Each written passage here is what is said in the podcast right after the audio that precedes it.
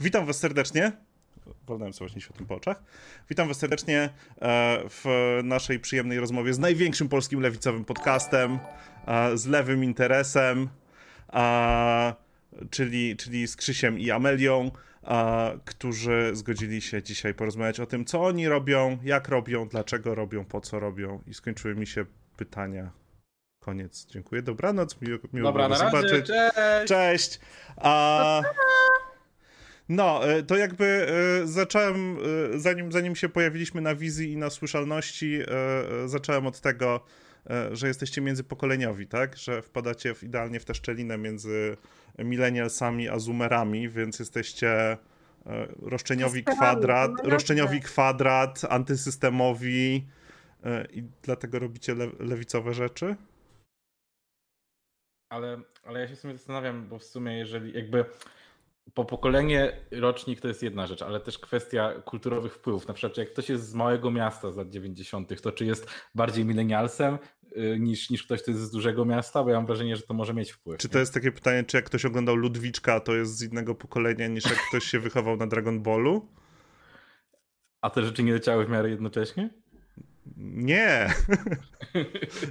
już, sklej, już sklejasz, nie? Dla mnie to jest jeden, jeden, jeden element w życiu. Jakby. I właśnie dlatego mówię, że jesteście międzypokoleniowi, no.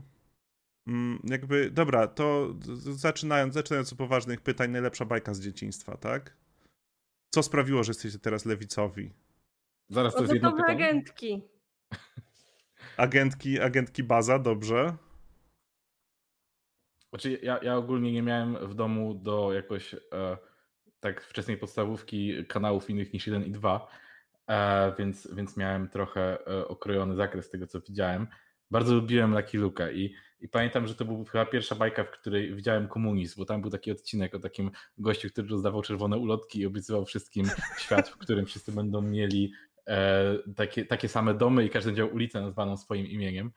I, i nie wiem, może to była jakaś indoktrynacja, kto wie, może to, to, może to mnie zlewicowało na zawsze. Słuchaj, no ale jakby jak to ci zostało, to, to, to chyba dobrze, nie? Ja, mnie najbardziej w pamięci z dzieciństwa został e, była taka specjalna seria Scooby-Doo, gdzie oni się spotykali z różnymi znanymi postaciami filmowymi i był odcinek, gdzie Scooby-Doo spotkał się z Batmanem i był dom, który się cały odwracał do góry nogami i się chował pod ziemią i wszystkie meble były przyklejone i to jest mój największy wpływ z dzieciństwa. A... W sensie, że co, że, że chciałbyś pierdolić chatę do góry nogami, czy co? Takie znikające chaty, nie? To jest... Z jednej strony była chata, a z drugiej strony było nic na bagnach, nie? Nice. A ale powiem ci, że Lucky Luke był ostatnią rzeczą, której się spodziewałem. Agentki, agentki e, e, w sumie jestem w stanie, jestem w stanie e, e, poczuć. Ja mam brata, ja mam brata, który jest właśnie rocznik 96, w związku z czym ja mogłem na bieżąco, ja mogłem, miałem doskonałe wytłumaczenie, żeby oglądać z nim wszystkie, wszystkie dziecięce ale, bajki. Ale, ale jeszcze tutaj się może, może cofnę, bo pamiętam, że tak, pamiętam, że Lucky Luke leciał, był jedną z pierwszych bajek, które widziałem w, na kanale z bajkami, gdy w końcu miałem kanał z bajkami u siebie ale on szybko przestał lecieć i potem odlotowe agentki na pewno były ważne, Ludwiczek na pewno był ważny. E... Nie wiem, to ja ogólnie dużo oglądałem takich rzeczy, które po prostu były i na przykład ciężko mi wskazać taką bajkę, bajkę, którą, którą bym kochał najmocniej. No okej. Okay. Bardzo lubiłem, o, bardzo lubiłem e, jako dzieciak na kasecie miałem i oglądałem w kółko e, Księżniczkę Mononoke. O, bo wow, to jest wygrana na loterii, kurde, no. I, i, to, i, to, I to jest dla mnie ciągle zabawne, bo ja to oglądam jako dzieciak, bo ciocia dała, bo, bo wiecie, ha, rysowana baja, a tam w ciągu pierwszej 15 minut jest sekwencja, że ty wjeżdża na koniu i strzela z łuku i typowi obie ręce strzałą ucina jedną i przybija je do drzewa i w ogóle ludzie się tam mordują i, i pamiętam, że miałem takie, no ale skoro, skoro jest bajka, skoro jest na kasecie dostałem, to będę oglądał. I w sumie tam, tam były fajne, fajne antysystemowe przekazy i takie proekologiczne, kto wie. Może to też jest jakiś wpływ. Słuchaj, ja miałem na VHS-ie w domowej biblioteczce Akirę, też dobra, dobra dziecięca bajka, e, więc, więc jestem w stanie zrozumieć, że e, ten, jeszcze Akira brzmi jak dziewczyna, coś tam jest o Igrzyskach Olimpijskich w Tokio, e, same dobre rzeczy. No, no i tam nawet, nawet są wśród postaci postaci dziecięce, takie w sensie małe w każdym razie, więc praktycznie. Teolog. Tam są jest taka scena w takim pokoju z zabawkami. Taka... Lajtowanie. Mm, dobra, słuchajcie, przejdźmy, przejdźmy do, do, do poważnych pytań, e, czyli jak, jak się zostaje największym polskim lewicowym podcastem? Powiedzcie, skąd wam się wziął pomysł i skąd determinacja? O kurde. Ale to jest Mam jakąś determinację? Słuchajcie, wy, ile wypluwacie kontentu miesięcznie? Teraz mało. Ostatnimi czasy bliżej dwóch. Zwykle, zwykle robiliśmy, staraliśmy się robić cztery plus jakieś dodatki czasami. No. Więc w największym porywie mieliśmy chyba 7 albo 8 filmów, a, ale tak to jest 4, o. E, to jest goal. O, widzę, że e, dobrze, Google mnie, mi na chwilę was zepsuł, ale od... Boże, co się dzieje? Google uspokój dupę. E, dobra, okej. Okay. E, no więc po, dlaczego zdecydowaliście się, się na taką formę i w ogóle e, co, co, co było tym puszem, że, e, który, który trzyma was po dziś dzień? No to jest jednak kilkadziesiąt opowiedz, odcinków. Opowiedz historię, jak zaczynaliśmy podcast, bo ty dobrze opowiadasz tą historię. Okej, okay, ogólnie może zacznę tak, jako że ja opowiadam, to zacznę od swojej takiej e, mocno. Początek historii jest tylko o mnie, ale Amelia też miała swój początek, którego ja po prostu nie znam. Więc ogólnie to było tak, że jestem osobą, która e, ma dużo pomysłów i dużo pomysłów realizuje, ale jeszcze więcej nie realizuje. Nie? I jedną takich ambicji było zrobienie na przykład kanału na YouTubie, który byłby jakiś edukacyjny może, myślałem o czymś takim, żeby celować powiedzmy w, takiego, taką biedną wersję Wisosa, ale z tych wcześniejszych e, lat. E, ale z czasem zacząłem sobie myśleć, że kurczę, ale fajnie byłoby to też połączyć jakoś z e, moim światopoglądowym zainteresowaniem e, i, i, że to też byłoby ciekawe połączenie, zrobić taką intersekcję nauki i, e, i powiedzmy propagowania pewnych idei i w rezultacie tę, tą ideę jakoś tak inkubowałem w sobie pewnie z 2-3 lata i, i w pewnym momencie miałem, mnie taka myśl, że tak, w międzyczasie poznałem Amelię. E, I Amelia należała do grona znajomych, w której, e, w której była najbardziej lewicową osobą w pokoju zawsze.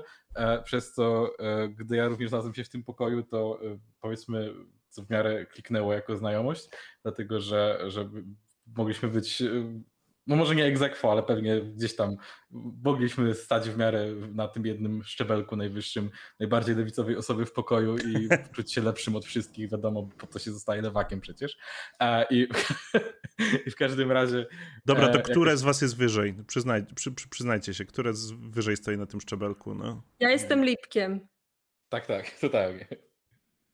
Lipkiem. Ja jestem, ja jestem anarchokapitalistą, nie ogólnie. E, tak, ale nie, ale tak serio to więc. E, więc właśnie byliśmy sobie na tym szczebelku. Na potrzebę historii załóżmy, że byliśmy na, na tym samym szczebelku i nikt nie był wyżej, bo jesteśmy, bo jako, jako lewaki chcemy, żeby wszystko było porówno.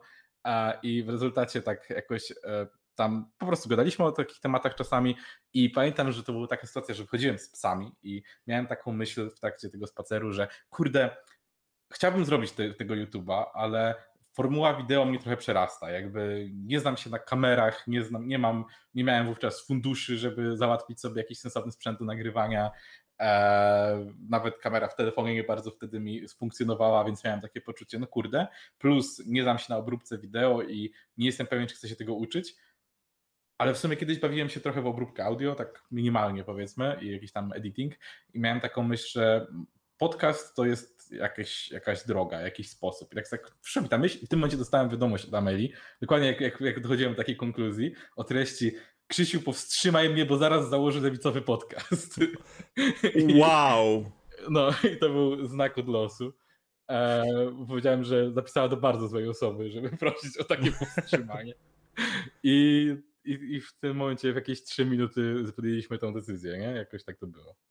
To jak to kto, przy, kto, kto wymyślił tę piękną nazwę? Ja. I to był, to był od początku twój pomysł? W sensie to było to, że jak przyszłaś do Krzysia, to od razu on będzie nie, się nazywał nie, nie. Lewy Interes? Na początku nie mieliśmy nazwy. Pierwszy odcinek żeśmy re retroaktywnie mhm. dodali nazwę. I chyba zrobiłam konkurs wśród naszych znajomych, ale ostatecznie najbardziej nam się podobał ten pomysł Lewy Interes. Tak, e, pamiętam, że jak założyłaś pierwszego kola, na którym mieliśmy nagrywać pierwszy odcinek, to nazwałaś go Stupcast przez dwa For some reason. O, o Jesus. dalej, dalej nie wiem, nie wiem skąd się wziął ten pomysł, ale, ale jak ostatnio patrzyłem, to gdzieś. Aha, w opisie pierwszego odcinka chyba dalej jest napisane, że podcast jest o stópkach przez Wazera. Nie wiem czemu. Czemu nie? Okej. Okay. Słuchajcie, wiecie, uważajcie, bo możecie teraz tworzyć oczekiwania wśród swojej publiczności, że e, e jakby dostarczycie ten stópkowy content za którymś razem i co wtedy? Co wtedy? O, o, o! Nic złego. Nie, nie, no słuchaj, jeżeli, jeżeli jesteś w stanie w tej chwili powiedzieć swoje, widzom, że pff, poprosicie, dostarczymy, to, to ustawiacie gol na Patronajcie i tego. I, i wio, nie? Ja, ja, się w to nie bawię akurat, ale, e, ale poza tym, gdybyśmy już mieli tworzyć tego typu content, to myślę, że jest inna platforma, której, której można to lepiej zmonetyzować, ale niż Patronite. Ale widzę, że chciałem tylko pozdrowić bardzo osobę, która pisz, napisała na, na czacie, która weszła w nasz lore na tyle głęboko, żeby nazwać mnie Kubą, bo to jest żart, który pojawił się przez półtorej raza jakoś i, i, miło zobaczyć, że ktoś to zapamiętał. Więc, więc fajnie, pozdrawiam. A możesz, możesz powiedzieć, co, jak to dokładnie lorowo działa? w sensie raz ktoś, raz ktoś napisał jakiś komentarz, nie pamiętam, ale to był jakiś, nie pamiętam czy on był krytyczny czy nie, ale taki był całkiem jakiś konkretny i na końcu napisał właśnie, że tam pozdrawia Amelię i Kubę i, i, i potem ja w jednym odcinku się przedstawiłem, czy tam sugerowałem, że nazywam się Kuba rzeczywiście i to był tak, tak jakoś totalnie, to nie było nic dużego, nie? ale właśnie rozbawiło mnie, że ktoś to Zostało, dobra, dobra. A, bo, to, bo to ja, aha widzisz, czyli e, właśnie ta osoba pisze, że to oryginalnie chyba tak. też była ona, więc jest już, jest okay. już pod, pod, podwójnie. A, a słuchajcie, jak, dobier- jak wybieracie tematy? Bo e, jakby od Gamergate po terfy e, z Irlandią gdzieś po drodze, e, tak patrząc na wasze ostatnie dokonania, ostatnie, ostatnie tematy, które poruszaliście, to jest dość duży rozstrzał. Jak, jak, jak to działa?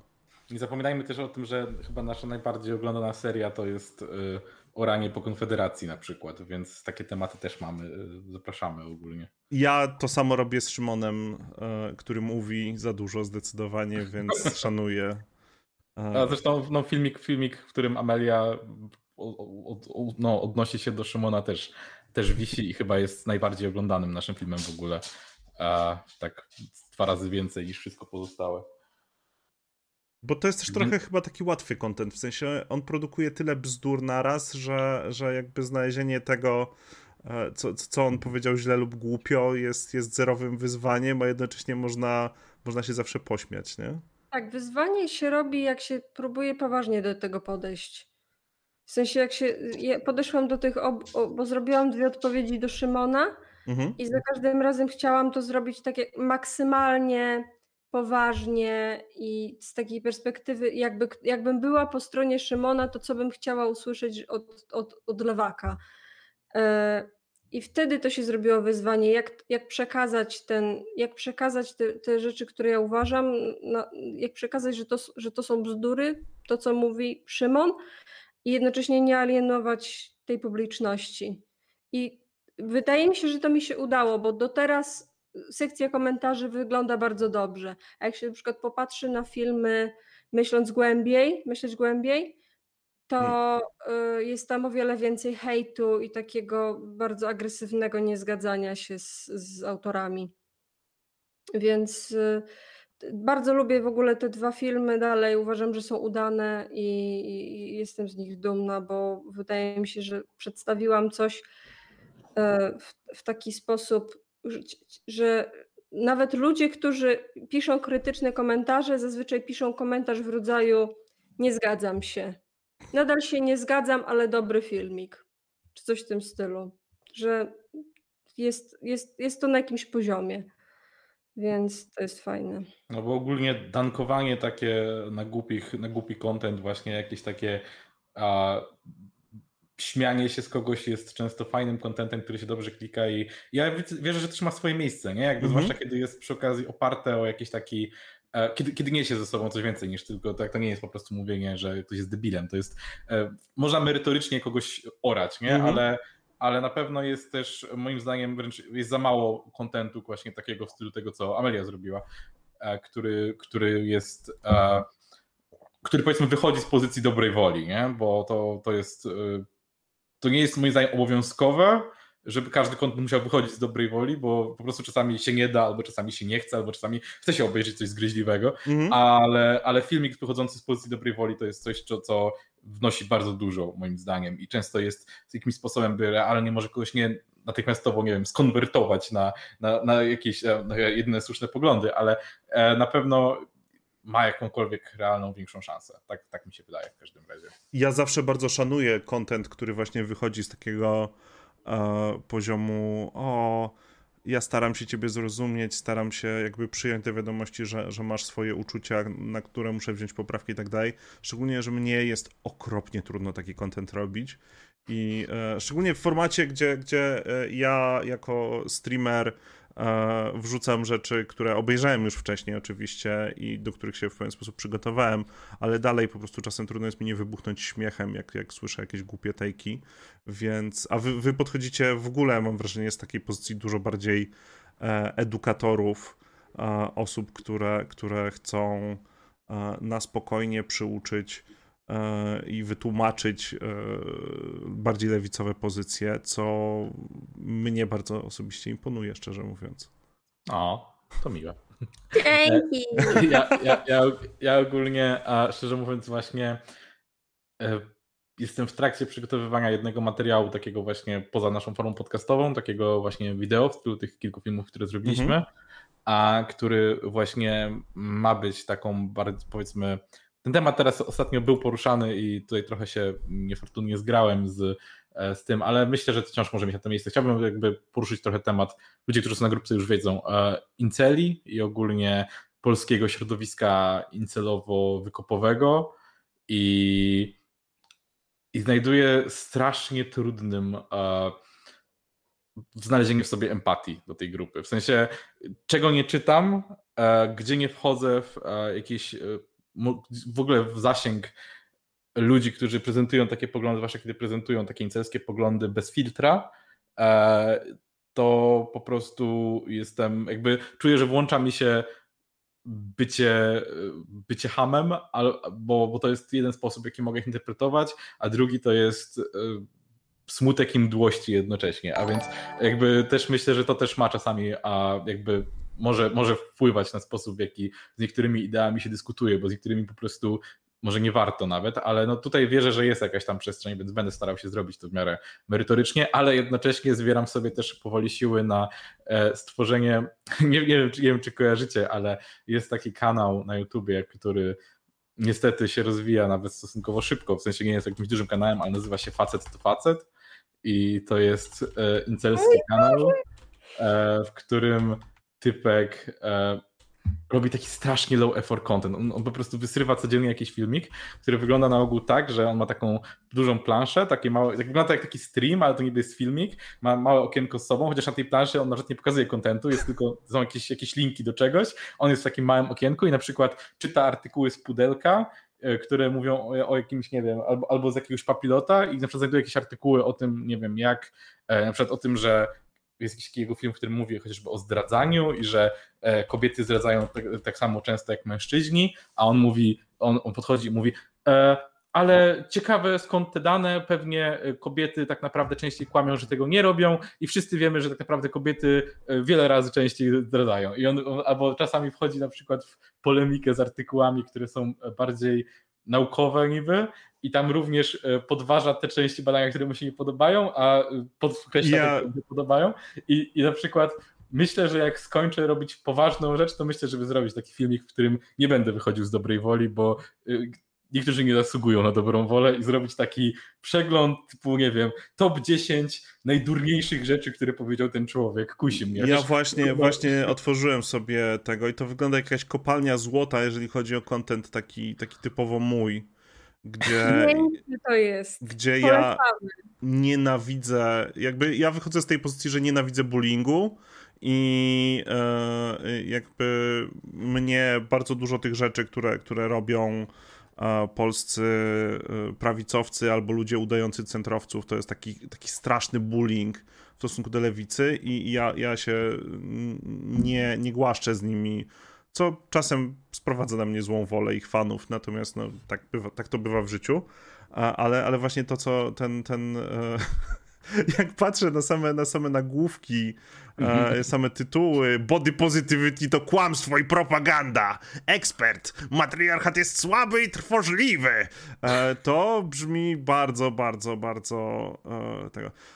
Jakby mam wrażenie, że problem z w ogóle z ocieraniem się o, o, o te środowiska inceli i okolic jest to, że trafisz na takich ludzi jak Karioner, którzy e, wychodzą, potrafią wejść na kanał z 50 subami i zacząć wyzywać ludzi od, od e, bet, e, sojbojów i, i tego i, i, jakby tworzyć sobie jakąś pozycję alfy przez deptanie ludzi, o których nikt nigdy nie słyszał. Mm. I szczególnie widząc takich ludzi, no ja nie wiem skąd wziąć dla nich empatię, nie? Jakby ja wolę, wolę skupić się na bronieniu ludzi, których jego gównianość dotyka niż na przejmowaniu się tym, że on jest. Dokładnie, nie? To, jest, to jest taki punkt, który ja bardzo, e, bardzo lubię, e, że właśnie jest taki e, moim zdaniem bardzo dobry film na YouTubie, on się nazywa chyba po prostu Alt-Right Pipeline i, i w każdym razie tam właśnie typ zwraca uwagę, że Problem jest taki, że najlepszy sposób, żeby wyciągnąć kogoś na przykład z takiego właśnie alt-rightowego lejka, mhm. czyli z tego takiego e, mechanizmu, w którym człowiek jest wyeksponowany na coraz bardziej radykalne, prawicowe czy wręcz faszystowskie treści, że właściwie jedyny sposób taki, który jest zawsze skuteczny, to jest na ogół otoczenie tego, tego człowieka e, empatią, wciągnięcie go do grupy, która ma inne poglądy, ale problem z tym jest taki, że raz na ogół grupy, które mają inne poglądy są już zajęte innymi sprawami, na przykład zajmowaniem się ludźmi, których ludzie tacy jak ten człowiek alt krzywdzą, a, a co więcej, to nie jest do końca bezpieczne i zdrowe, by na przykład wprowadzić w przestrzeń, w której są na przykład ludzie e, LGBT, w której są e, na przykład people of color, wprowadzać tam no, faszystów, tak? I, mm -hmm. I chodzi o to, że to jest taki problem, że e, rzeczywiście e, z taką empatią zawsze bym uważał, żeby się nie stało, nie stało się czymś priorytetem głaskanie się z po prostu skurwysynami, tak? Bo, bo to jest problem, który, który po prostu e, w który łatwo popaść, tak? Że no okażmy im empatię, ale problem jest taki, że jeżeli okazujemy im empatię powyżej pewnego stopnia okazywanie empatii będzie oznaczało akceptowanie krzywdzenia ludzi, którzy na tą empatię naprawdę zasługują. I, tak. i, i, to, jest, to jest taki problem, żeby znaleźć ten złoty środek, nie? No tu wchodzi, tu wchodzi jakby całe, całe pierdololo o paradoksie tolerancji, yy, czyli to, że no sorry, ale nie możemy tolerować szczególnie w takiej publicznej przestrzeni e, postaw, które same z siebie nie są tolerancyjne, bo, bo inaczej zadepczemy tych ludzi, którzy, którzy faktycznie tolerancyjni są, nie? Ja dlatego e, jakby czerpiąc z kontrowersyjnych czasem twórców zachodnich, takich jak, jak, jak Wałsz, e, jak, czy, czy, czy, czy Hasan, czy, czy kilka, kilku innych właśnie tych live'owych twórców, ja widzę, że w takiej publicznej debacie, jeżeli ktoś przyjdzie mi i rozmawiać, rozmawiać w takim miejscu i rzucać jakimiś krzywdzącymi rzeczami, to taką osobę trzeba, trzeba wdeptać w ziemię żeby nie dać jej przestrzeni do tego, żeby ona siała swoją nienawiść. Natomiast jeżeli taka osoba chce jakby posiedzieć, posłuchać albo porozmawiać prywatnie, no to jakby jak najbardziej trzeba do niej wyciągnąć rękę, uważam.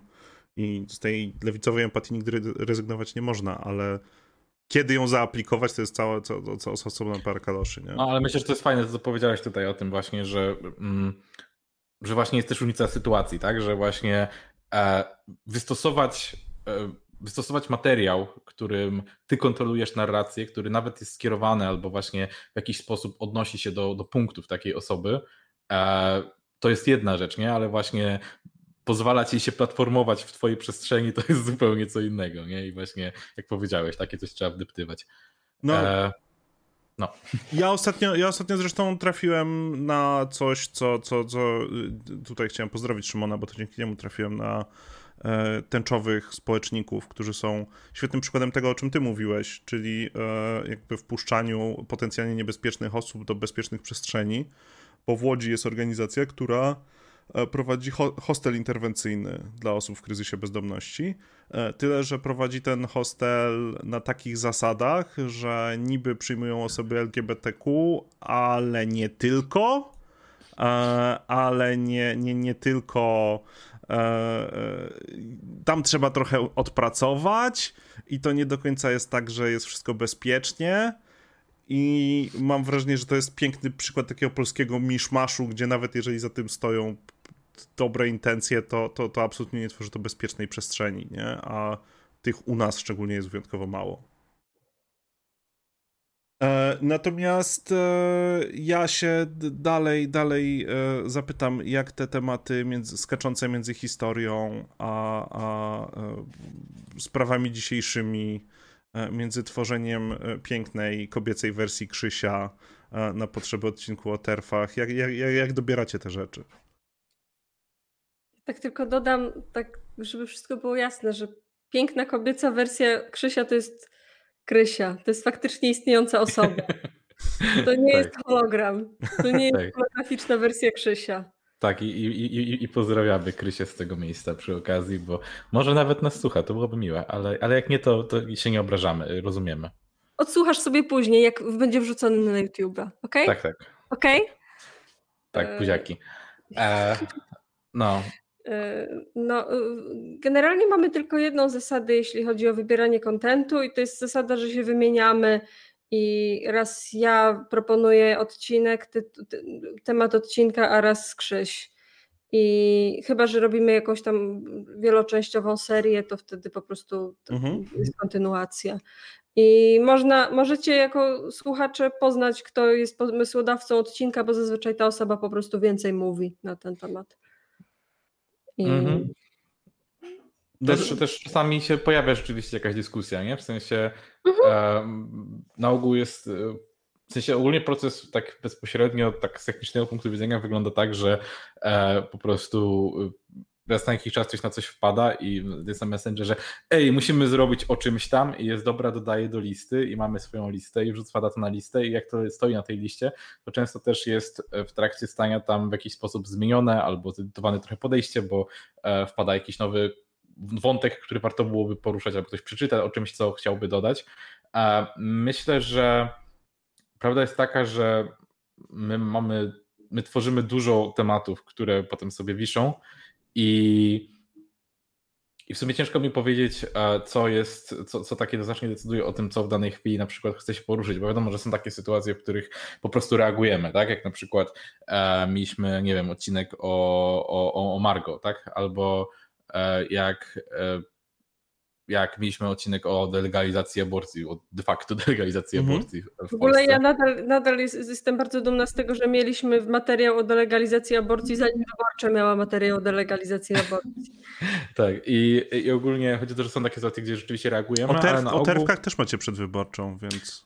No właśnie, to też był kolejny taki, który się pojawił reakcyjnie, ale myślę, że.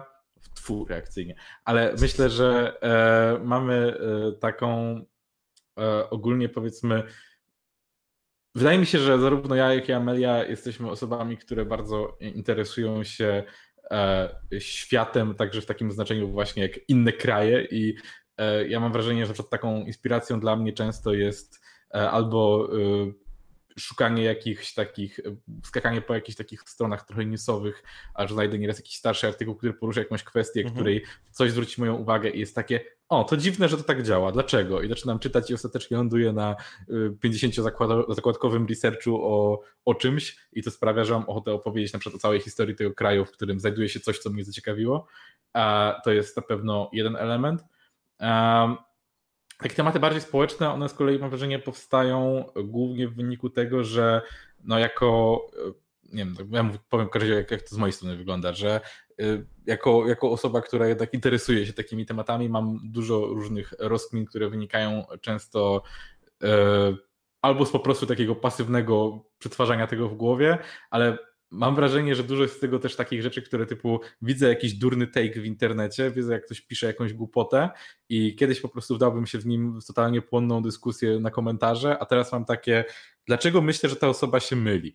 I, i, okay. i, i wychodząc z tego e, zaczyna się tworzyć we mnie zbiór pomysłów, które potem dalej researchuję i to z czasem e, skrapla się w postaci tematu, o którym można coś więcej opowiedzieć. Więc myślę, że to jest źródło takich rzeczy. A to wychodzi w ogóle jakoś z waszej edukacji, czy z jakiegoś waszego e, wykształcenia, e, czy, czy, czy specjalizacji, nie wiem, ze studiów, czy czegoś, czy to jest czysta pasja? Myślę, że w przypadku Ameli prędzej, co nie? Nie, ja bym powiedziała, że nie za bardzo. W sensie już, bo ja jestem po kognitywistyce. Mhm. To jest jakoś tam, jakoś tam powiedzmy powiązane z filozofią, ale głównie zajmowaliśmy się filozofią umysłu, filozofią nauki, takimi rzeczami, które nie za bardzo, na przykład nie, nie miałam żadnego kursu etyki, mhm. który byłby, byłby jakoś powiązany z lewicowością. Więc ja bym powiedziała, że raczej to jest niezwiązane ani z moją pracą, ani z moim wykształceniem. Uniwersytet Lewego Interesu widzę na czacie. No, ja, ja, ja, ja na przykład z kolei jestem po informatyce, więc absolutnie nie, tak? O Jakby nie, jest... I jak, jak ci się udało nie zostać kucem? Bo już, już, już wchodziłem tam bardzo, bardzo, będąc bardzo zlewiciały i ciężko było y, chyba, żeby się tam. Na szczęście też na Politechnice spędziłem tylko pół roku, swoją drogą, zabawna anegdotka, którą dalej czasami nie mogę uwierzyć, że się wydarzyła, ale wydarzyła się mi, więc e, muszę w to wierzyć. E, nie mogę się zgasajtować, żeby przestać w to wierzyć, bo jak wchodziłem na Politechnikę, pierwszy dzień zajęć i wejść, akurat na, na Politechnice studiowałem jeszcze coś innego, ale również typowo kucowy, kucowy kierunek. W wejściu stoją dwie osoby. Jeden ma literalnie kapelusz na głowie i koszulę i, i krawat w normalny, dzień, Boże. normalny dzień zajęć i usłyszałem jedno zdanie, które mówił do drugiego koleżki i brzmiało ono e, no ja ogólnie to na Korwina głosowałem. O Boże. I to był, i to był pierwszy dzień i to był dzień, w którym poczułem okej, okay, czyli, czyli możliwe, że te, że te mity nie są wcale takimi mitami. I... Ale przynajmniej nie powiedział pana Korwina. No nie, nie, na szczęście, pana Janusza. na szczęście, e, jako że gadał z outsiderem, to chyba dostosował, wiesz, formę, nie? Ale, ale vibe był e, rzeczywiście straszny. Ale muszę przyznać, że na przykład informatykę, którą studiowałem już na szczęście na Uniwersytecie w Poznaniu, to, to, było bardzo lipkowe miejsce, ale na przykład absolutnie nie było tak bardzo skucałe, jak się wydaje. I, i ogólnie mam wrażenie, że o ile jest bardzo taki, taki, e, taki powiedzmy, mm, stereotyp e, właśnie takiego korwino-kuca, to ja mam wrażenie, że współczesny taki landscape programistyczny jest skrajnie, e, skrajnie lipkowy po prostu, nie? To jest takie Ale ogólnie... taki taki pik neoliberalizm, gdzie wszyscy są super egoistyczni i dbają tylko o własny interes. Tak, ale jednocześnie trochę nie chcą wychodzić na, na bigotów, a więc na mhm. przykład e, raczej, wiesz, strzelenie czegoś czysto homofobicznego albo rasistowskiego się jednak spotyka z e, brakiem akceptacji, a więc to jest wciąż, wciąż jest niefajnie, ale przynajmniej nie chcecie się żygać, jak wchodzisz na staka codziennie, więc, więc wiesz, można uf, żyć, nie? Uf, e, dobrze, że się skaluje. E, ale to ja chciałem ładnie, ładnie przejść, zrobić delikatny pivot w kierunku właśnie rozmowy o języku, bo jestem bardzo ciekaw, jak bardzo wy pilnujecie nawzajem, czy, czy, czy, czy indywidualnie swojego języka w tym, w tym, kiedy mówicie i jak mówicie. Bo e, z jednej strony na przykład oglądałem e, twój materiał o czystości, dziewictwie i patriarchacie, który ma piękny wstęp mówiący o tym, że są szczegółowe e, wzmianki o waginach i że e, jakby robisz bardzo dużo takich e, content warningów, które, które jakby mnie osobiście też, to jest znowu rzecz, która mi bardzo imponuje, e, bo, bo na przykład w live'owych streamach jest to bardzo trudno czasem zrobić, a wiadomo, że czasem jest to potrzebne. I jakby tu mi się bardzo bardzo to, to rzuciło w oczy i, i się uśmiechnąłem pod wąsem. E, a z drugiej strony e, oglądam odcinek o e, Gamergate i nie boisz się powiedzieć, że kobieta jest z wielkim cycem. I, i tutaj widzę takie mało takiego language policing, i, i gdzie wy wyznaczacie granicę tej przyzwoitości lewackiej. Amelia, chcesz? Ja myślę, że to jest bardzo proste. Po prostu zastanawiamy się, czy to może kogoś, czy, czy, czy rozsądnie patrząc na sytuację, możemy założyć, że ktoś może się poczuć, nie, nie, poczuć się niedobrze z czymś. Mhm.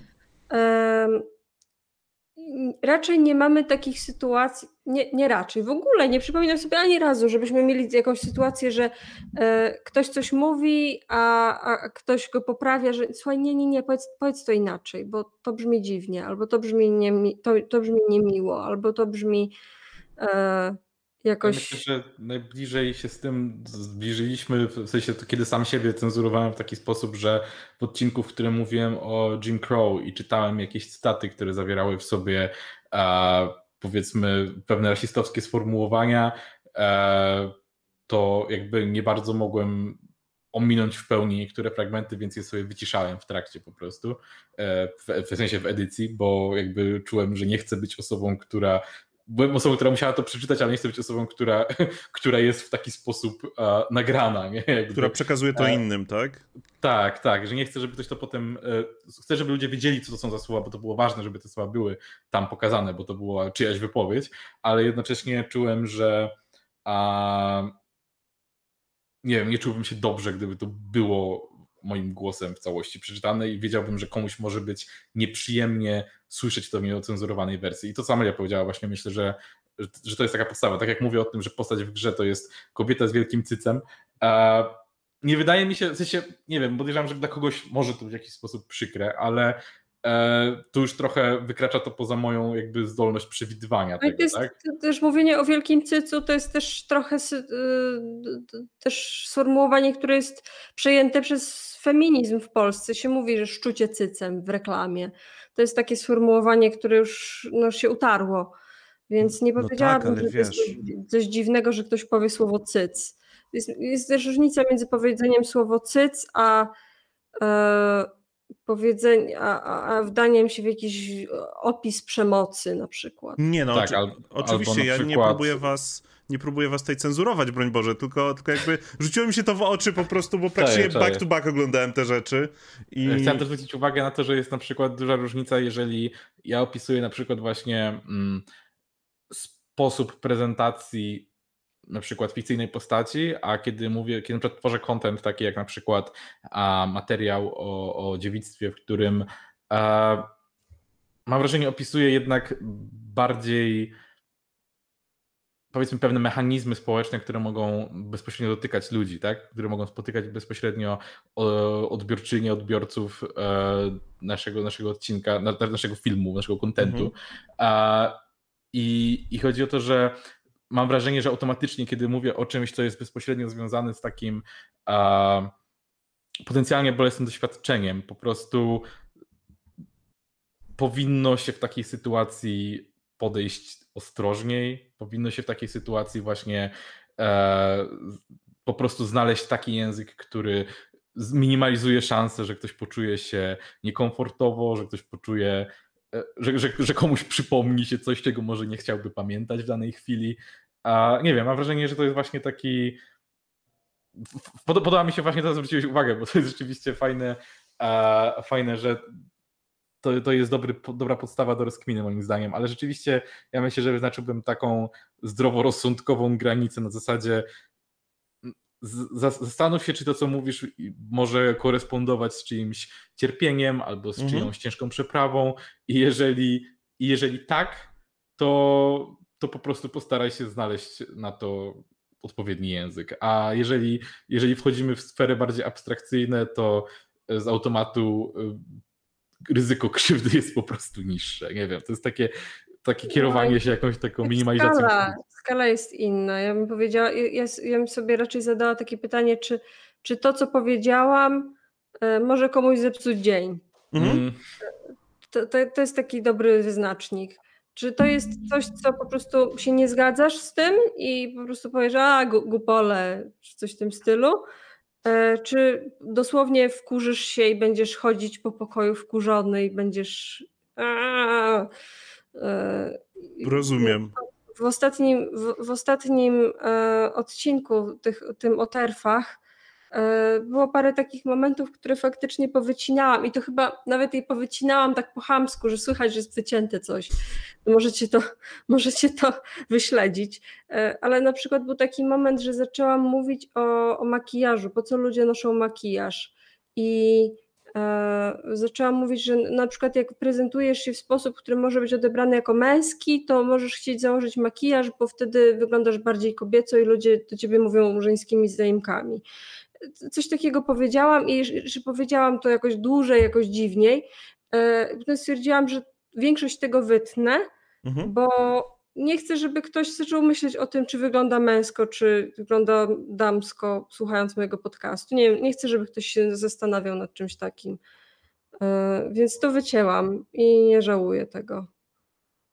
A jeszcze zostając przez chwilę przy, przy języku. Ja w ogóle przy, pozwolę sobie przeczytać to, co, co na czacie się dzieje, bo e, raz, że ty dostałaś pozdrówki, że masz bardzo, bardzo ładny głos i e, dowiedzieliśmy się, że bardzo fajnie zobaczyć wasze buźki no. E, tego, ale tutaj Ametystowy pisze, że cześć pięknie, jestem Kinderlewakiem gdy zaczynałem słuchać waszego podcastu byłem soclipkiem, a między innymi dzięki wam i całe szczęście trochę zlewaczałem. Cieszę się, że, e, że zainteresowałem się twórczością Karola Marksa przez lewe papiery. Przedtem nigdy nie przyszło mi do głowy, żeby czytać manifest komunistyczny. A czy jak się czujecie w roli edukatorów i konwertatorów, konwertatorek? Jeśli kogoś to edukuje, to bardzo, bardzo fajnie, tylko no my to się tak bawimy w sumie. My, my, my chyba, my chyba, my chyba nie, nie, nie zakładaliśmy, że będziemy robili kurs lewactwa. To zabrzmiało jak takie oh no, oh no, what have we done? Uh... Nie, w sensie y, na pewno, na pewno y, ja, ja czuję, że to jest na pewno pozytywna rzecz, jeżeli ktoś y, na przykład poczuł się bardziej lewicowo i, i zaczął właśnie eksplorować takie tematy, bo no, gdybym w to nie wierzył, no to sam bym miał takich poglądów, tak? E, jednocześnie mm, nie wiem, na przykład mam, mam takie wrażenie, że razem z powiedzmy rosnącą grupą odbiorców naszych materiałów jest też takie e, poczucie czasami, że jakby bardzo nie chciałbym być mm, brany jako taka pozycja jako, jako ktoś na pozycji autorytetu w tych kwestiach, bo ja, ja jestem w stanie przygotować materiał, jestem w stanie się doedukować na daną, na daną kwestię i to może czasami sprawiać wrażenie, że o, ale, ale my mamy tą gigantyczną wiedzę i prawda jest taka, że to nie jest, nie wiem, wiedza tajemna, której przeciętny człowiek nie może pozyskać, mając dostęp do internetu, tak? E, więc, więc jakby chciałbym, żeby to też było e, gdzieś w świadomości ludzi, że e, jasne, super, ale nawet nie, mam wrażenie, że edukator to jest takie duże słowo. Nie? Ja bardziej mam wrażenie, że naszą rolą może powinno być bardziej wskazanie ludziom informacji, wskazanie jakichś sposobów interpretacji, ale mm, nie wiem, może na tym polega edukacja w sumie, ale nie wiem, brzmi, brzmi, brzmi, trochę strasznie, nie? No ale jakby to nie jest trochę tak, że, że jakby wzięliście to na siebie rzucając e, dużo tak naprawdę poważnych tematów na, na e, wasz podcast i e, jakby poruszając tak naprawdę z bardzo różnych spo, sposób kwestie społeczne, że chcecie, nie chcecie, ale tutaj macie E, ja nie, nie byłem w stanie przelecieć przez liczby na waszych wszystkich socjalach, ale e, no macie trochę rozrzuconych po różnych socjalach ludzi, którzy was obserwują. E, tutaj, patrząc po dzisiejszej rozmowie, dużo osób przyszło, żeby też was posłuchać, żeby dowiedzieć się, jakie mądrości udostępnicie światu. Więc no, może nie, nie, nie macie skali filozofii Tube, ale jednak wylądowaliście w tej, w tej roli edukatorów trochę chcąc, nie chcąc, nie? No trochę tak. No Boże, widzę, widzę przerażenie wygenerowałem. E, głęboko, głęboko zasadzony niepokój. A, nie no, jestem po prostu ciekaw, jak, jak, jak e, wy się widzicie, jak się z tym czujecie, nie? Jak ktoś przychodzi do was i mówi, mmm, skonwertowaliście mnie, zaoraliście moje prawactwo. Znaczy, ogólnie chyba dobrze, nie? Fajne to jest. Ja bym chciała, żeby, żeby nasz podcast był trochę bardziej, trochę bardziej jak biblioteka, trochę mniej jak szkoła. Mhm. Że to jest jakieś tam, jakieś tam źródło, do którego możesz zerknąć, jeśli chcesz, ale nie, nie, nie mamy żadnych oczekiwań od ciebie, jeśli chodzi. Nie, nie, to nie jest tak, że chcemy osiągnąć jakiś konkretny efekt tym, że przeczytasz, przy, przeczytasz jakąś książkę, czy, czy, czy, czy yy, po, po to właśnie te fragmenty, które na przykład czytam w lewych papierach, po to one są tak długie, albo są to całe dzieła w całości, po to, żeby nie właśnie nie tworzyć takiej, te, te, tak, jak to się mówi, ta, stół z serami, co nie? Że, stół z serami i y, wybór najlepszych serów i tylko te najlepsze, te, te, te, fragmenty, które nam się podobają i tylko te fragmenty, które są sensowne i łatwe do zrozumienia. Y, tylko też pokazać, że no, ta teoria czasem bywa czasem bywa, bywa, że słyszymy y, w teorii, czy to feministycznej, czy to w lewicowej, coś, co nie jest zgodne z naszymi poglądami, czasem jest, brzmi wręcz bełkotliwie i może nawet nie rozumiemy o co chodzi. Wtedy w, w komentarzu mówimy bez bicia, że ja nie rozumiem o co mu chodzi. E, e, więc bardziej lewe papiery, mówię tutaj bardziej trochę o lewych papierach, ale też o, o naszych podcastach w ogóle, że bardziej to jest taki. Um, macie tutaj garść faktów, zróbcie z tym, co chcecie. No tak, ale Jak... powiedzmy jednak określamy to też interpretacją, co nie? Więc tylko z drugiej strony znowu, nie? Jesteśmy tylko ludźmi, którzy mają te same fakty, co je przedstawiliśmy i możemy właśnie dać jakiś sposób interpretacji, ale to wciąż jest zasób do wykorzystania dla kogoś, co nie? No dobra, ale fakty istnieją sobie tak w dziczy i jakby rosną sobie na drzewach, można chodzić sobie po posadach, zrywać te fakty, ale prawda jest taka, że e, jak spojrzycie na chociażby polski internet, to trudno jest powiedzieć, ta osoba zainspirowała mnie do, do jakiegoś głębszego researchowania mm, lewicowości wam, w sensie e, kto jest przed wami, kto mógł, kto mógł was popchnąć do tego, żebyście robili to, co teraz jakby pozwalacie robić innym ludziom, czyli, czyli czerpać z, z waszych researchów, z waszej ciekawości, z waszej pasji. Macie, macie kogoś w polskim internecie albo telewizji, nie, no, w, w polskim internecie to nie za bardzo, ale mhm. no BreadTube. Ja oglądałam bardzo dużo BreadTube'a mhm. całego. Głównie no. Philosophy Tube, ContraPoints i e, H-Bomber Gaia. Chyba H-Bomber Guy najbardziej mi e, podpasował, jeśli chodzi o taki styl, odpo- styl opowiadania. Mhm. Ja też I chciałem powiem, tutaj... O, I, I powiem szczerze, jeszcze jedna rzecz, je, jeszcze jeden, zdałam sprawę z tego niedawno, że Dem, konkretnie odcinek Dema o Iranie. Obejrzyjcie sobie to, jeśli nie widzieliście. Dem Iran, wygooglajcie sobie na YouTubie, e, jak Dem opowiada o historii Iranu. To jest e, w ciągu 15 minut podsumowuje meandry historii Iranu najnowszej e, w, w sposób, który dla mnie jest genialny i pamiętam, że obejrzałam ten film kilka lat temu, bo on już jest stary, nie wiem, z 2013 może być, jakoś tak. Y, I, i pomyślałam sobie, że taki kontent by bym chciała robić. Mhm. To konkretnie, konkretnie ten filmik.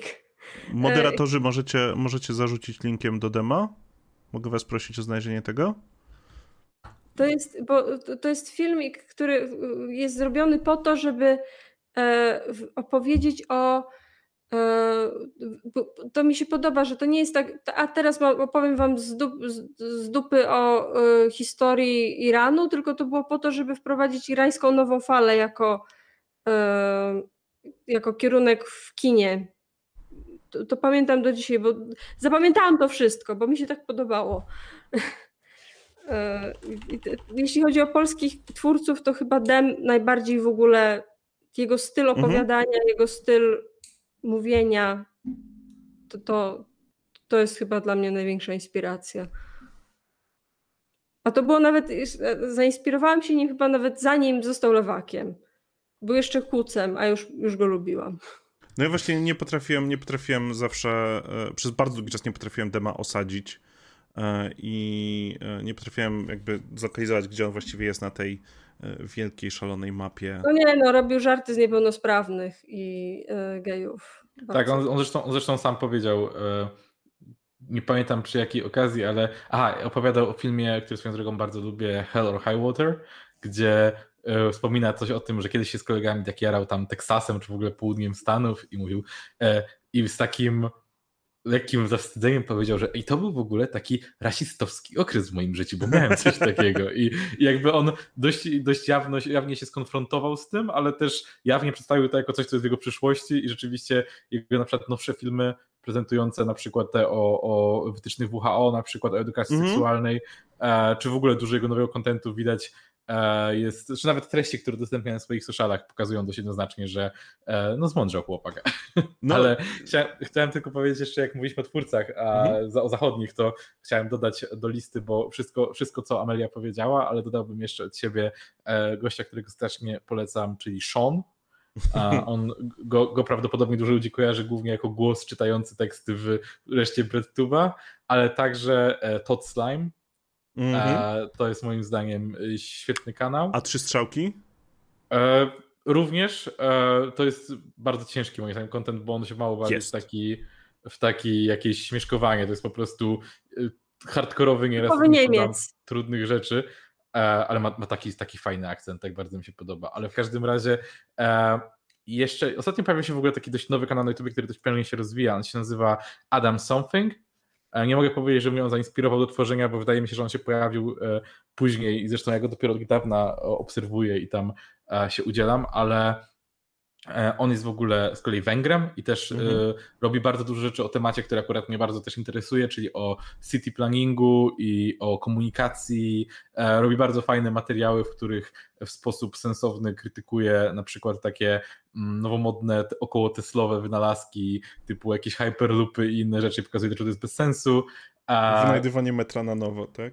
Tak, tak, tak. Właśnie on bardzo fajnie potrafi zestawić na przykład e, Hyperloop z jakąś tam 120-letnią e, kolejką w, e, właśnie na Węgrzech, gdzieś, która działa nieprzerwanie 120 lat i codziennie przewozi więcej niż Hyperloop przewiezie przez 10 lat ludzi i tak dalej.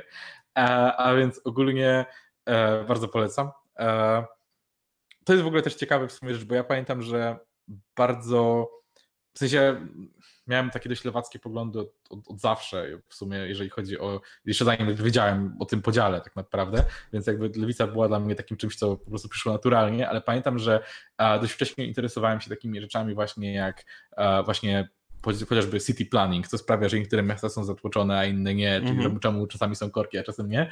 I dziwnie często researchowanie takich tematów, czytanie o tym w internecie prowadziło do lewackiego dyskursu, dlatego że okazywało się, że lewica ma rozwiązanie na ten problem w przeciwieństwie do prawicy albo liberałów. I ja ze swojej strony. To, tak naprowadzało. To, to, to, co powiedziałeś, akurat idealnie kojarzy mi się z e, Adamem Conoverem z Adam Ruins Everything mm. człowiekiem, który, który w sumie wyszedł z komedii, a który e, szczególnie w swoich podcastach bardzo dużo bardzo ciekawych rzeczy omawiał. Jeżeli wy się nie mieliście okazji z tym zetknąć.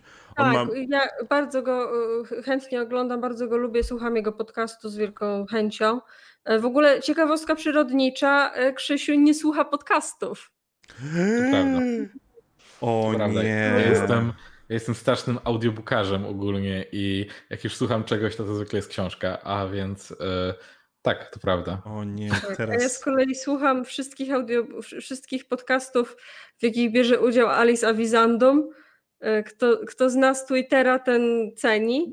E, I, i jest szczególnie, myślę, że w, coś, co nas bardzo inspiruje i o tym już mówiłam wielokrotnie w, w podcaście, ale podcast Well There's Your Problem jest jedną z moich ukocha najukochańszych rzeczy na całym świecie. Byłabym na dnie depresji, gdyby nie Well There's Your Problem. O, to brzmi, to, to, to, to rozumiem, że to, to, to jest jakiś bardziej wholesome content, czy... Nie. Okej. Okay. To, jest, to jest chyba jeden podcast, który, którego odcinek przesłuchałem, dłuższy niż godzinę odcinek przesłuchałem w całości, bo mi kiedyś Amelia podesłała i to nie jest wholesome z tego, co widziałem. Okej. Okay. O katastrofach. A, no to luz. To, to, lewacki, lewacki podcast o katastrofach, to jest trójka komunistów, którzy opowiadają o tym, dlaczego na przykład jakiś pociąg się rozjebał, a rozjebał się dlatego, że ktoś tam ciął koszty na coś i zrobił katastrofę, albo budynek został zbudowany po, koszta, po kosztach przez kapitalistów i przez to się rozjebał. E, to jest taki content, ale jest. Magia tkwi w szczegółach. Magia tkwi, tkwi w tych w tej trójce prowadzących, którzy są komunistami, są bardzo pijani podczas prowadzenia tego podcastu i, i, i, robią sobie żarciki o 9-11 cały czas. Uh, well, there's your problem, tak?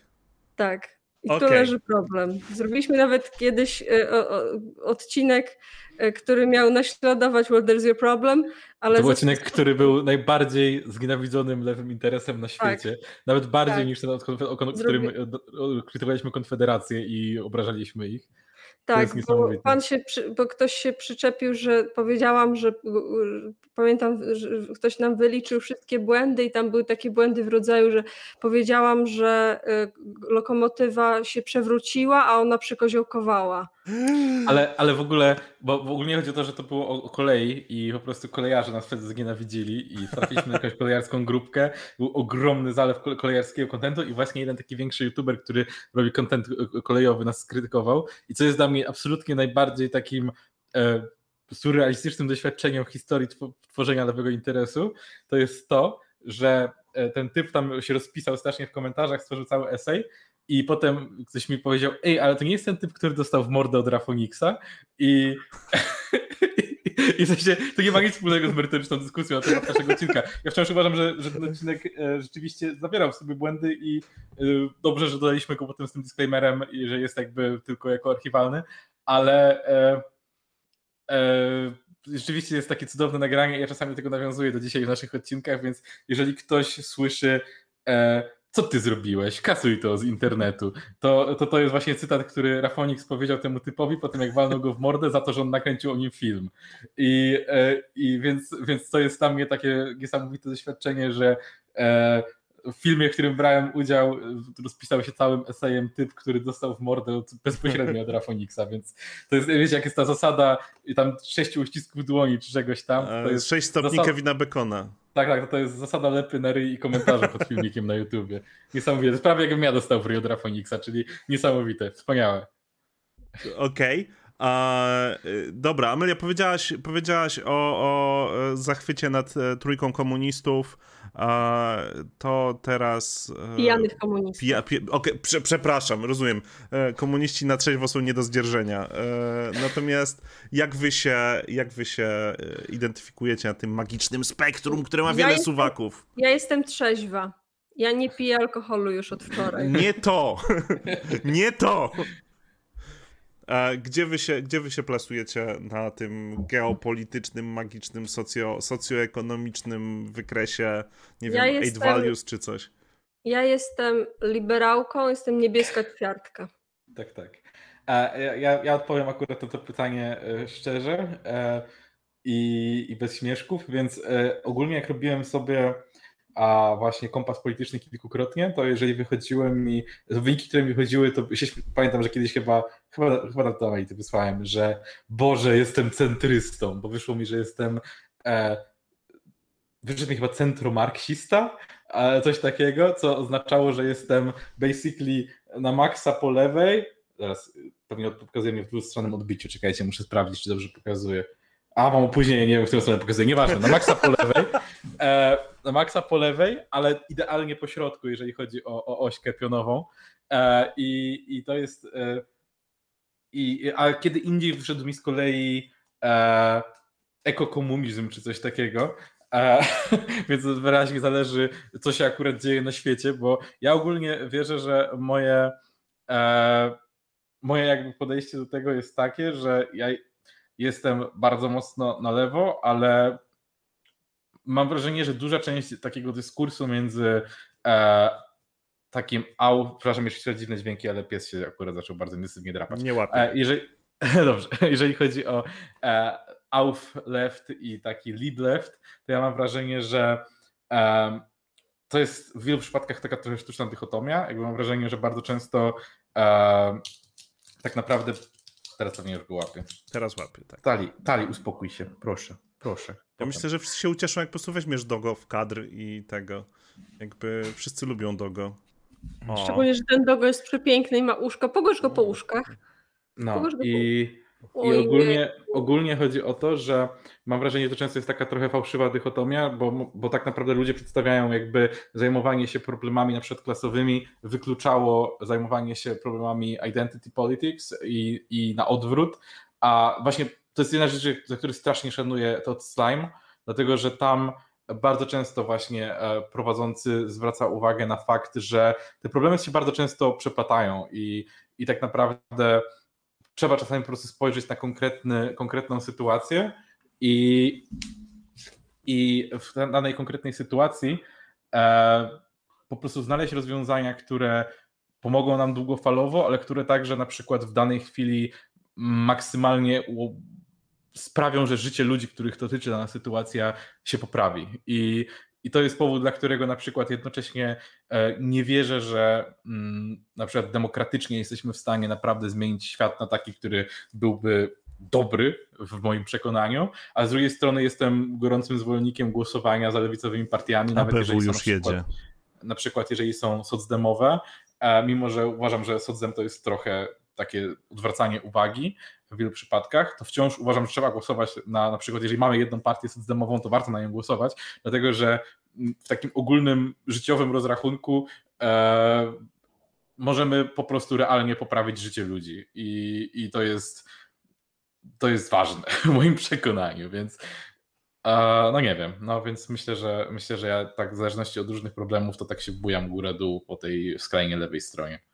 Ja bardzo się oduczyłem, znaczy ja miałem dużo przygodów, przy, przy, przygodów z byciem autorytarnym, więc teraz nie chcę i jestem przez to trochę tego, ale, te, ale rozumiem bycie blisko, blisko centrum tej osi między liberal, liberalizmem a autorytaryzmem, bo jednak czasem chciałoby się po prostu powiedzieć nie, tak nie robimy, koniec. nie ma w asfaltu e, i, i, zrobić z tym porządek.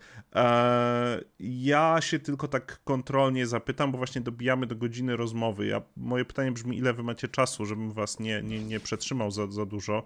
Ile wy chcecie jeszcze tego? Czy już płyniemy do brzegu, czy, czy jeszcze chwilę chcecie zostać? E, to jest jakby pierwsza rzecz ode mnie. Ja mam czas i energię, ale y, wiem, że, że Amelia zgłaszała dzisiaj niskie poziomy energii, więc. Ja teraz mam dużo energii. Tak jak uwaga jest na mnie skupiona, to ja mogę. Do jutra możemy to ciągnąć. No dobrze, to co, posiedzimy sobie jeszcze tak z 20 minut, coś takiego? 20 minut, pół godzinki i, i, i, i e, będziemy, będziemy się wtedy e, zawijać. E, no dobra, ale jakby zawracając jeszcze, jeszcze ku twórcom, bo to, co, co powiedzieliście ode mnie, dla mnie jest takim pięknym redemption story i jakby jest bardzo urocze, ale to jest też na przykład coś, z czym ja się mega identyfikuję, bo jakby w moim mrocznym backstory jest to, że głosowałem na nowoczesną w szczycie jej, e, w szczycie jej popularności, nie? Więc e, wstyd i hańba. I ja tu nie mogę, nie, nie mogę się w ogóle nawet aspirować do czystości klasowej. tylko ewidentnie zdradziłem swoją, swoją klasę, proletariat. więc dla, dla mnie tacy ludzie jak Dem, którzy po prostu w pewnym się bardziej ogarnęli, są dużo bardziej, dużo łatwiejsi do zrozumienia niż jak to można być ma magicznie tak od początku, tak lewicowym. To się z domu wynosi? To jest, to jest jakaś choroba, na którą nie szczepią? Jak to działa? Ja, na przykład mam wrażenie, że w moim przypadku, mimo że e, na przykład e, u mnie w domu głosowało się bardziej e, powiedzmy liberalnie ogólnie, nie szło się w jakieś może ekstremalne rzeczy, to e, ja myślę, że u mnie takim bardzo silnym elementem e, było to, że rodzice moi zawsze przekazywali mi dużo takiego, a, dawali mi przykłady takiego strasznie empatycznego podejścia do ludzi, nawet obcych i jakiegoś takiego spojrzenia na sprawę, że e, nie wiem, jak, jeżeli, jeżeli ktoś gdzieś cierpi, to może jest źle, a zamiast i to może jest nie w porządku, zamiast mówić, że e, dobrze, że nie my, albo że dobrze mu tak, bo się, nie wiem, bo za mało pracował i nigdy nie usłyszałem takich rzeczy w domu i podejrzewam, że to na pewno bardzo mi pomogło wykształcić w sobie jakieś takie przekonania, które gdy właśnie zacząłem ich szukać gdzieś wśród polityków okazały się być mocno po lewej stronie, nie? Po prostu jakaś taka taka powiedzmy empatia połączona z chęcią z, z taką aktywną, wyuczoną aktywną empatią, czyli właśnie spróbowania zawsze dostrzeżenia ludzi, którzy mogą potrzebować pomocy, albo ludzi, którzy e, którym po prostu wypada współczuć, jakby. Więc e, mam wrażenie, że to jest to, że lewica ma to do siebie, że e, skupia się na, na, na prawdziwych problemach ludzi, którym warto jest pomóc, a nie na podniesieniu swojego statusu w danej sytuacji i wiadomo, nie każda lewica, ale e, to jest jak najbardziej moim zdaniem postawa, którą można po prostu wynieść z domu albo można wynieść z otoczenia ludzi, którzy mogą nie być polityczni, ale mogą po prostu kierować się takimi zasadami mm. w swoim życiu codziennym, tak? I po prostu czasami wystarczy przenieść jakieś takie zachowania na większą skalę, na społeczeństwo i nagle wychodzi ci lewica, no po prostu. Mm. Amelia, coś? Nie, no ja chyba, u mnie też się głosowało w domu e, liberalnie.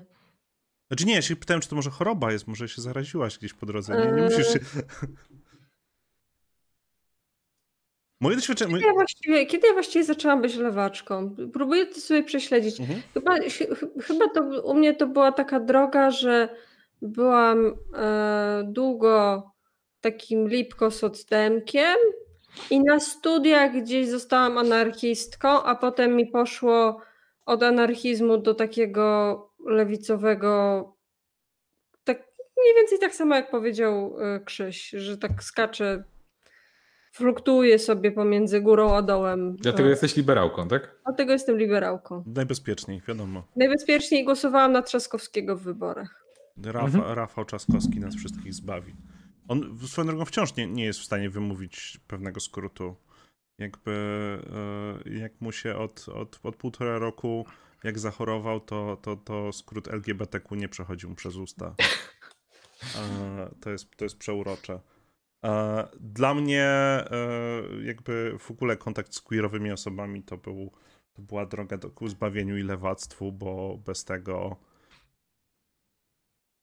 bez tego nie wiem, jakby zauważyłem, że osoby queerowe wygenerowały tyle, tyle empatii, yy, ile wszyscy ludzie, których spotkałem wcześniej razem, więc yy, jakby no, dałem się im skontaktować. Ale to też, to też jest w sumie ciekawe, że w Polsce, w sensie ogólnie na świecie jest taka tendencja, ale w Polsce zwłaszcza, bo u nas jakby w wielu miejscach na świecie masz jednak na przykład partie w ogóle takim elementem światopoglądu takiego liberalnego ogólnie, nieraz kapitalistyczno-liberalnego, jest bycie też liberalnym światopoglądowo i społecznie i na przykład mhm. właśnie uwzględnienie praw LGBT. A tymczasem właśnie ja ogólnie na co dzień pracuję z Amerykanami i mam takiego dobrego ziomka w pracy, e, z którym właśnie gdzieś gadałem o sytuacji takiej polityczno-społecznej w Polsce i powiedziałem właśnie, że jakimś cudem bycie gejem w Polsce w 95% przypadków skojarzycie z byciem skrajnym lewusem i że to jest naprawdę dziwne, mimo że oczywiście, że są osoby e, właśnie na przykład homoseksualne, które są o e, innej jakby afiliacji politycznej, a mimo to mimo to na ogół po prostu przez to, że bycie homofobem z jakiegoś powodu jest takim stanem wyjściowym dla na przykład osób publicznych i polityków, albo bycie chociaż mm, ak nieaktywnie wspierającym. Tak naprawdę to jest dopiero kwestia ostatniego roku, żeby ludzie, którzy nie są kontrowersyjnymi postaciami mogli powiedzieć, że a tak w ogóle to jestem za, nie wiem, legalizacją małżeństw, tak, bo jeszcze kilka tygodni temu przecież jeden z nie pamiętam, kto zatwitował, któryś, któryś z polityków o tym, jak to geje chcieli przepchnąć radykalne stanowisko, bo chcieli e, wspólnego rozliczania się partnerów. Tak. E, no, więc jakby to jest ciągle z jakiegoś powodu e, radykalny, radykalny niemalże komunizm, żeby, żeby po prostu być gejem w Polsce. A, I to jest strasznie dziwne. Znaczy, I... ja teraz zrobię taki lekki virtue signaling, bo patrząc po waszym ostatnim odcinku, to, to tego ale a propos rzeczy, które się trudno mówi w Polsce e, i w ciągu ostatniego roku zaczęło się mówić więcej, to jesteście, jesteście w stanie powiedzieć bez, bez z, zatykania się trans rights? i w ogóle? czy, czy nie bardzo? Jakby, Ale w jakim sensie? Że, że, nie no nie, nie, nie, nie, mówię, dlatego, dlatego od razu powiedziałem, że to będzie virtue signaling, bo e, e, wiadomo, że... Ale skąd w ogóle takie pytanie? Dlaczego mielibyśmy nie chcieć powiedzieć trans rights? Dużo osób ma z tym problem, nie? Jakby wy to... Nie, tak jak powiedziałem, patrząc na was, wasz ostatni odcinek, nie miałem żadnych wątpliwości co do tego, natomiast Ale czy, czy, możemy tak, czy możemy tak do czata po prostu, wiesz w sensie. A, do czata? Pewnie. A, do czata. W sensie tak Wiem. powiedzieć im, że trans rights, żeby jednak mieli to w głowie, nie? No, no, no tak, no jak najbardziej. W sensie, ja nie wiem, w ogóle dla mnie jest szokujące, że to jest dyskusja na jakikolwiek temat, że czy, nie wiem, czy, czy, czy, osoba, czy osoby trans powinny być e, jakby czy powinny mieć zabezpieczoną swoją sytuację prawną i medyczną przez państwo, jakby to jest, wydaje się być dość oczywiste, nie? Jakby e, nie, nie wiem, dla, dla mnie to jest za każdym razem po prostu jakiś taki smutny szok, który się powtarza za każdym razem i nie wiem, jakim sposobem dalej jest szokiem, kiedy właśnie widzę, że jakikolwiek a poruszenie e, tematu właśnie praw, praw e, osób trans jest, e, spotyka się z strasznym e, takim backlashem i oporem ze strony e, właściwie każdego środowiska, które nie jest skrajnie lewackie. I, I no, mówiąc krótko, to jest po prostu obrzydliwe, żeby ktoś tak reagował na te tematy, a ludzie to wciąż robią i traktują to jako jakąś pozycję wyjściową. I, I nie wiem, akceptowanie czyjegoś istnienia staje się dla ludzi kontrowersyjnym, zagrażającym poglądem, co jest no, po prostu no nie wiem, no pojebane. A, swoją drogą, nie wiem, czy słyszeliście e, czy, e, o najbardziej queerowym ślubie w Polsce, jak Kasia, ja nie pamiętam teraz, czy ona ma Gauda, czy Gajda, w każdym razie e, ona mogła wziąć ślub ze swoją żoną, ponieważ w papierach miała cały czas, że jest mężczyzną i, i w związku z tym mamy E, jeden legalny e, ślub e, lesbijski w Polsce, bo, bo, bo udało się go przemycić bokiem. Natomiast smutną częścią tego jest to, że oni te, one teraz ogłosiły, że wynoszą się z Polski. No, więc odhaczyły w sensie... achievement i do widzenia, nie? Czy to jest smutne, jakby niestety patrząc na tą sytuację, jaka jest teraz, to pewnie jeżeli chodzi o ich codzienne życie, jest po prostu lepsze. W sensie dla nich jest jakby nie wiem, ja, ja, ja czuję tyle jakby zrozumienia za każdym razem, jak słyszę, że ktoś spierdala z tego kraju. I to jest dla mnie takie, tak, jak słyszę po prostu o kolejnym, nie wiem, znajomku albo dalszej jakiejś osobie, która, a, która mówi, że emigruje, to mam, to, to nie jest takie o czemu, tylko takie rozumiem. jakby czemu miałbyś nie? I, no. A jeżeli ktoś jeszcze właśnie e, jest osobą LGBT, to, to w ogóle nie ma pytania, dlaczego. W sensie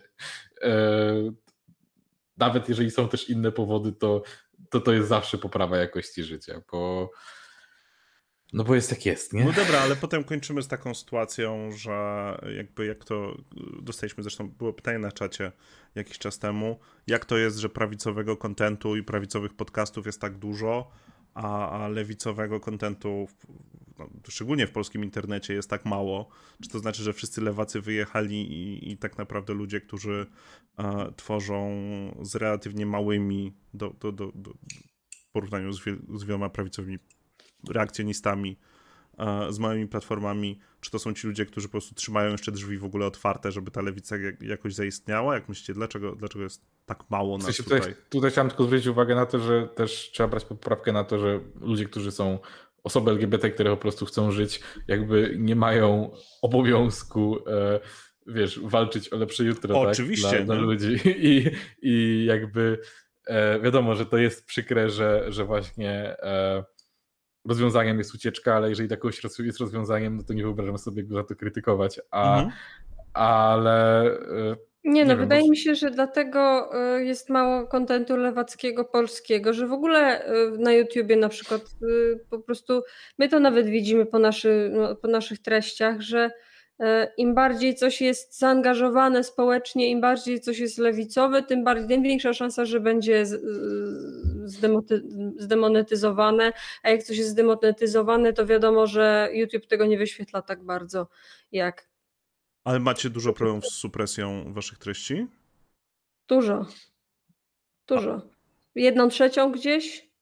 Wow. W sensie plus jest, plus jest taki, że e, na szczęście jakby to powiedzieć, e, jesteśmy na takim, mam wrażenie, etapie, gdzie jednak większość naszych e, oglądających to są ludzie, którzy już nas znają albo są z jakichś poleceń i są powiedzmy z wewnętrznej bańki, ale gdybyśmy mieli być na przykład większymi twórcami, którzy muszą bardzo polegać na algorytmie, żeby się wypromować, żeby być mhm. oglądanym, no to prawdopodobnie byłby to problem. Znaczy, e, wciąż to nie jest tak, że nie jesteśmy w stanie przepchnąć kontentu, który nie byłby zdemonetyzowany. No, też warto tutaj wspomnieć, że jakby w naszym przypadku monetyzacja to jest właśnie tylko wyznacznik, czy, czy coś będzie się, czy mamy szansę, że ściągniemy nowych ludzi, bo e, to nie są pieniądze, z których jakby utrzymujemy nie, nie wypłaciliśmy żadnych pieniędzy z YouTube'a. E, tak, tak, więc to jest powiedzmy tylko e, dodatkowy temat, ale wiadomo, chodzi głównie o to, że jak są reklamy, no to, no to algorytm jest bardziej zainteresowany i um, no i rzeczywiście, jak się wejdzie w statystyki filmików, no to te, które są demonetyzowane, e, mają dużo mniej jakby wejść spoza na przykład naszych linków, naszych subskrybentów i tak mhm. dalej, więc, e, więc jest taka tendencja i to na pewno w jakiś tam sposób spowalnia.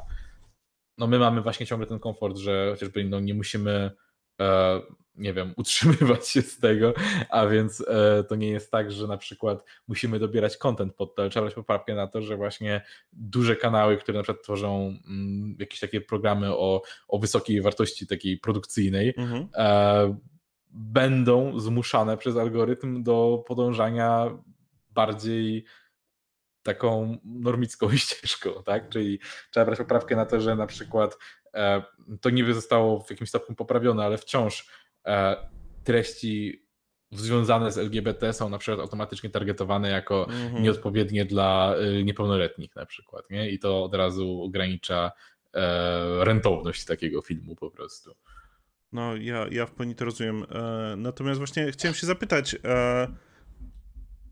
Mówisz, że na szczęście nie musicie z tego, nie, nie musicie z tego żyć. Natomiast e, no druga strona tej monety jest taka, czy, czy chcielibyście z tego żyć? Czy chcielibyście, żeby to było wasze wielkie imperium medialne, które, które, dzięki któremu możecie opowiadać? Czy czujecie się po prostu dobrze z tym, że opowiadacie o rzeczach, które jednak są powiązane z waszą pasją do świata, nie? Amelia? Ja, czy ja bym się chyba nie chciała rozwidlać na jakieś inne platformy. Z byciem imperium medialnym jest taki problem, że trzeba ogarniać te wszystkie platformy, na których się jest. I y, jak zaczynasz robić filmy na YouTubie, to nie możesz robić słabych filmów na YouTubie, musisz robić dobre. Mhm.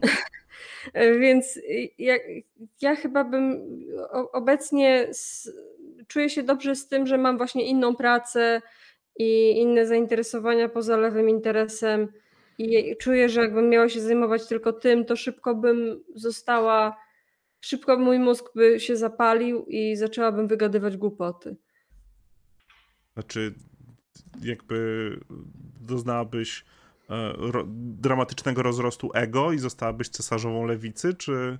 Mm, nie cesarzową lewicy, ja bardziej myślę o takich sytuacjach, jak na przykład z, miała miejsce z ContraPoints to jest dla mnie taki, taki, taki przykład kogoś, kto e, po prostu się rozpędził i zaczął gadać głupoty.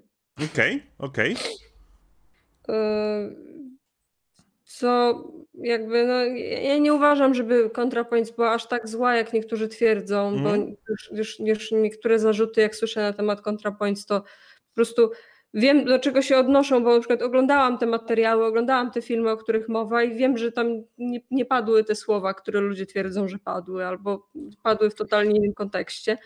E, natomiast y, zgadzam się z krytykami ContraPoints, że e, gadała głupoty straszne parę razy.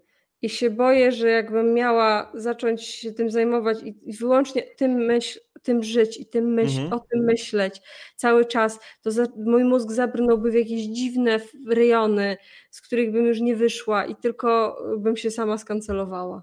Mój mózg by się sam skancelował, popełniłby sypuku. A. Tak. Tak. Czyli A jeżeli. No, no, no nie, mów, mów, mów, proszę. No, nie, bo chciałem powiedzieć, że na przykład mój, mój, mój punkt jest może trochę inny, e, jeżeli o to chodzi, ale myślę, że ja ja ogólnie bym się po prostu czuł niekomfortowo, e, wiedząc, że e, jakby cały, cały na przykład taki livelihood miałby zależeć od tego, czy e, zbierzemy patronów, czy, czy reklamy się będą klikać. To jest na przykład forma kariery, która mnie po prostu mało interesuje ze względu na bardziej praktyczne jej aspekty. Czułbym się po prostu niebezpiecznie, zwłaszcza wtedy, kiedy, no bądźmy szczerzy, jakby landscape taki właśnie mediów społecznościowych jest bardzo ograniczony, tak? I nie jest tak trudno e, znaleźć się w sytuacji, w której ktoś może nagle odciąć ci absolutnie wszystkie twoje sposoby zarabiania na czymś takim. I i to, to brzmi trochę strasznie i myślę, że YouTube, ja bym się... YouTube może ci z dnia na dzień zawiesić kanał i wtedy no. lecisz. Nie I no. chodzi o to, że to jest, to jest jedna rzecz. Druga rzecz jest też taka, że e, trochę zgadzam z tym też, co Maria powiedziała, że to było. To ja, ja, ja bym się bał, w sensie może, może, może trochę inaczej. Ja bym się bał, że właśnie zacząłbym, e, że będzie tym stałoby się to pracą, to byłoby się stało. Mm, to by przestało być fajne dla mnie. Ja na mhm. przykład mam, ja pracuję w rzeczach, które lubię robić i rzeczywiście praca, którą robię jest dla mnie fajna, więc nie zakładam, że sam fakt, że stałoby się pracą byłoby złe, ale mam wrażenie, że miałoby że to byłoby bardzo wypalające zajęcie, gdybym na przykład czuł, że muszę zrobić content. Ja na przykład bardzo doceniam to, że mamy taką wolność, żeby rzeczywiście na przykład, jeżeli oboje nie czujemy się jak zrobieni odcinka w tym tygodniu, no to po prostu nie robimy odcinka, tak? Bo nie chcemy dostarczyć czegoś po to, żeby to dostarczyć, chcemy dostarczyć, żeby to było fajne, żebyśmy byli z tego mhm. zadowoleni, żeby to miało jakąś wartość. I, i, to jest, I to wiem, że nie mielibyśmy aż takiej wolności, gdybyśmy, wiadomo, byłby jakiś tam zakres, ale mielibyśmy dużo mniej takiej wolności, gdybyśmy na tym polegali. Więc no, plus fakt, że lubię swoją pracę, więc to też na pewno jest jakiś taki super przywilej, który akurat mi się przydarzył i to jest e, kolejna motywacja, żeby nie szukać takiego rozwiązania, ale możliwe, możliwe że gdybym nie miał takiej sytuacji, to, to bym o tym pomyślał. No nie, bo jakby wiadomo, że zawsze, zawsze yy, zrobienie czegoś takiego ma przejście, przejście na profesjonalizację e, takiego kontentu e, otwiera też możliwość na robienie pewnych rzeczy, pewnych rzeczy lepiej. I jakby zupełnie nie ujmując waszemu kontentowi, tutaj e, nie chciałbym, żebyście e, to tak odebrali.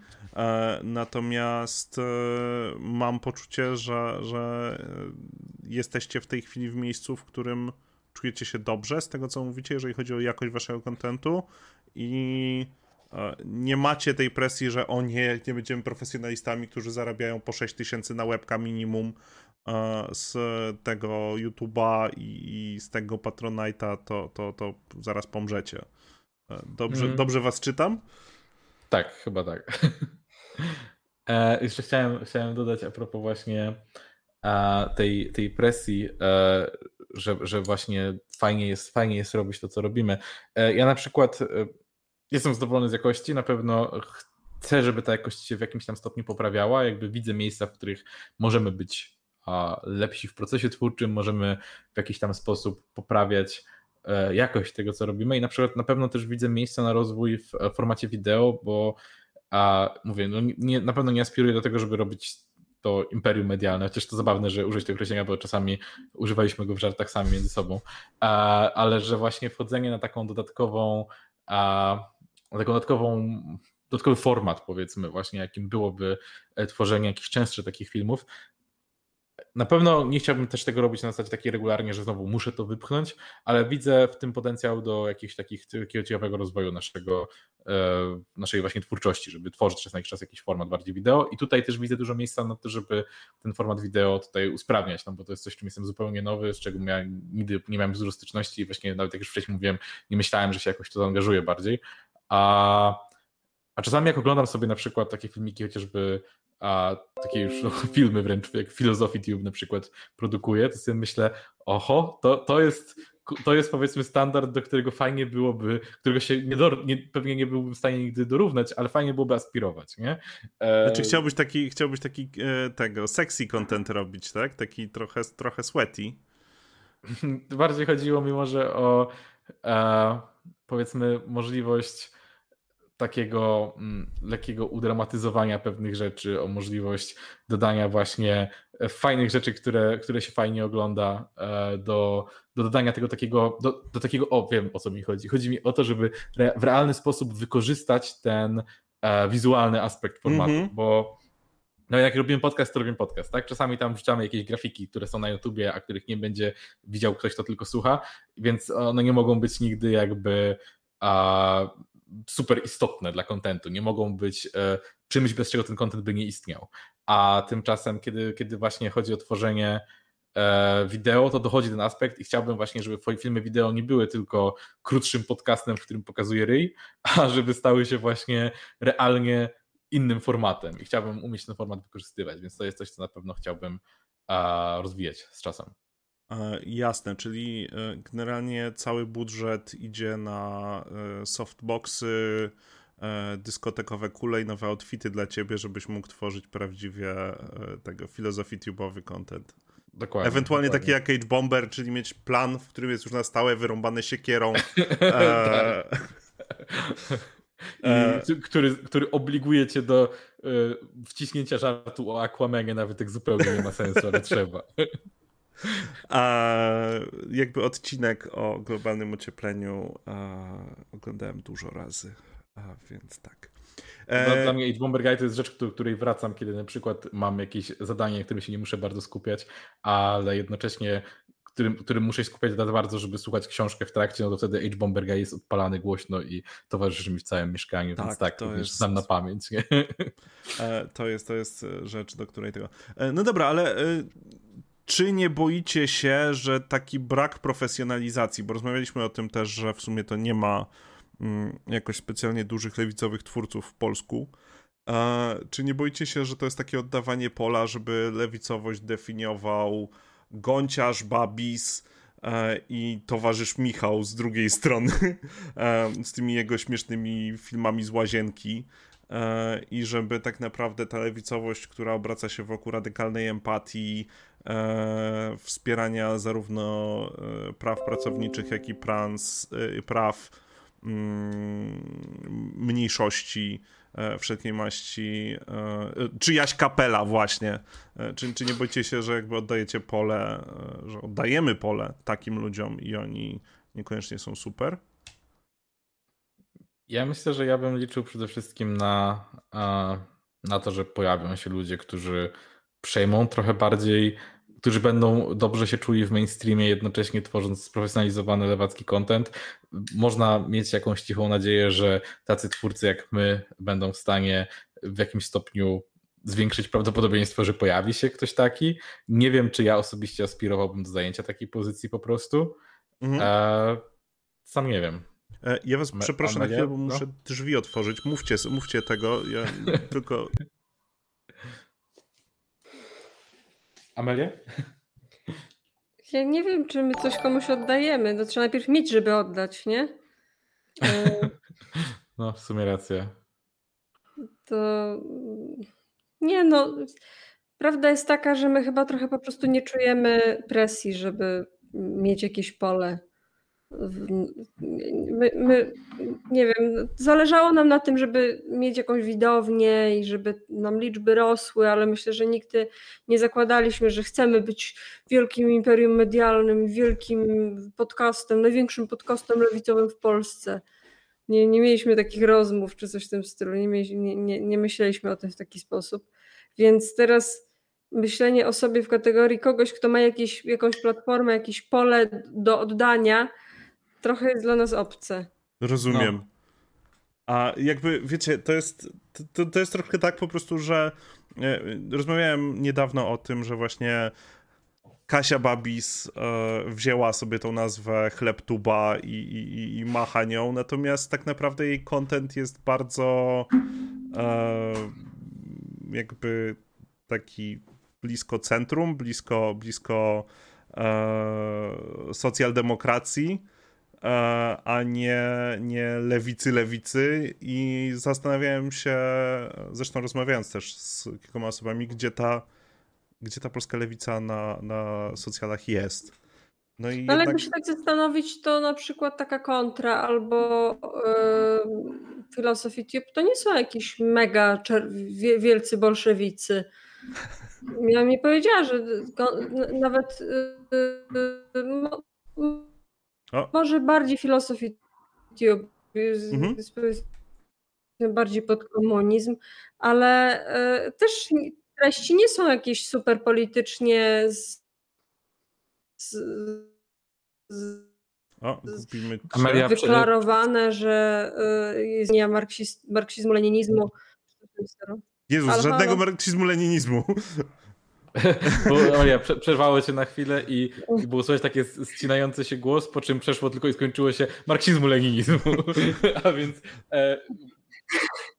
e nie, tylko chciałam powiedzieć, że e, to, to możemy myśleć o tej polskiej lewicy w internecie, że o, bo oni są socdemkami. Jakby no, u, u filozofii Tube nie ma, nie ma żadnego marksizmu, leninizmu. Mhm. To, nie jest, to też nie jest radykalny content.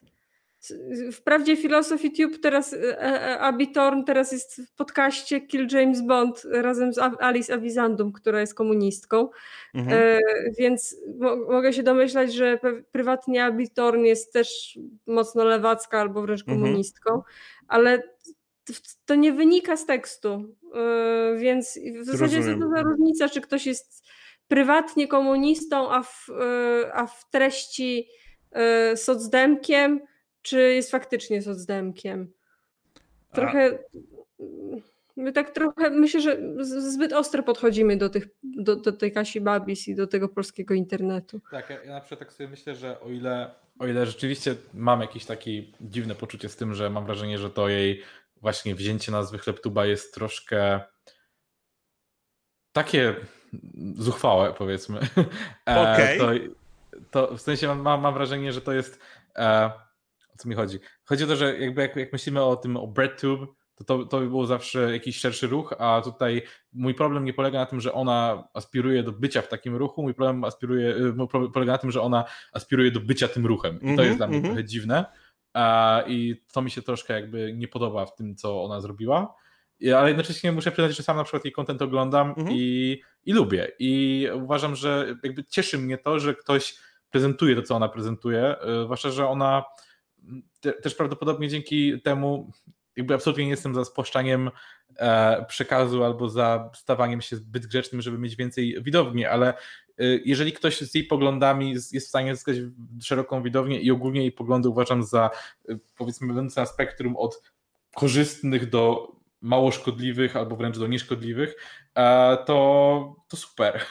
W sensie tylko lepiej, lepiej dla, dla powiedzmy spraw, w które wierzę, a więc e, a więc moim zdaniem spoko, może z gąciarzem jest trochę więcej przypałowych sytuacji, e, a znowu też powiedział moim zdaniem wiele fajnych rzeczy w internecie, na przykład bardzo dziś cenię to, jak był ten już dobrych parę lat temu fragment, w którym powiedział, że za mało się o tym mówi, że ale brakuje ludzi, którzy coś sobie powiedział, że brakuje ludzi, którzy otwarcie nazywają antyfeministów debilami, czy coś takiego.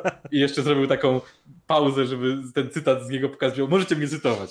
I to mi się spodobało i uważam, że to jest jakby przekaz, którego rzeczywiście, zwłaszcza jeszcze dobrych parę lat temu, naprawdę za mało było. Mm -hmm. A więc na pewno zrobił też dobre rzeczy, nie? I mm, jakby nie można się spodziewać, że e, super popularni staną się też e, ludzie skrajnie lewicowi. Na przykład mam wrażenie, że ciężej o to na przykład.